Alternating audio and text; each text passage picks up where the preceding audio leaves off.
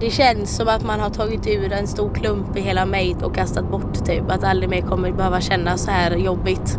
För det har varit väldigt jobbigt alla de här månaderna fram till nu. Även fast man har sagt att det har gått över och sådär så har man ändå bara väntat på det här. Ja, Ebba tycker att det är skönt att de som spred elaka rykten om henne på Instagram nu har dömts för det.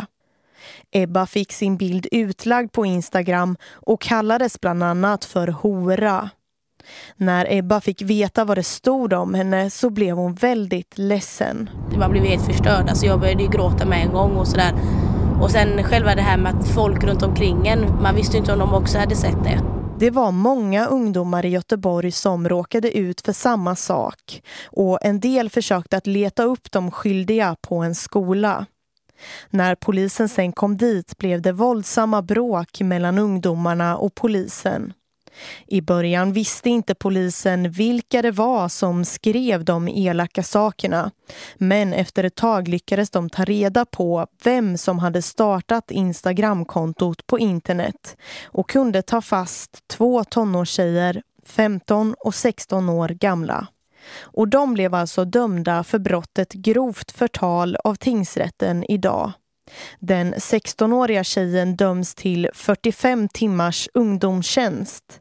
Det innebär att hon måste arbeta gratis som straff. Och den 15-åriga flickan döms till ungdomsvård och ska få vård av kommunens socialtjänst.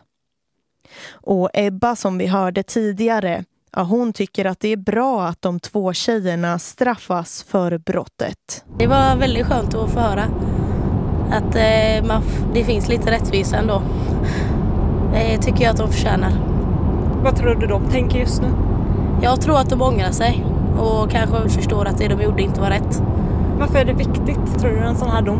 Eh, för att det får andra människor att tänka att eh, det inte är rätt och man ska inte göra om det liksom. För att om inte de hade fått en, en dom liksom så hade man ju kunnat göra om det flera gånger om.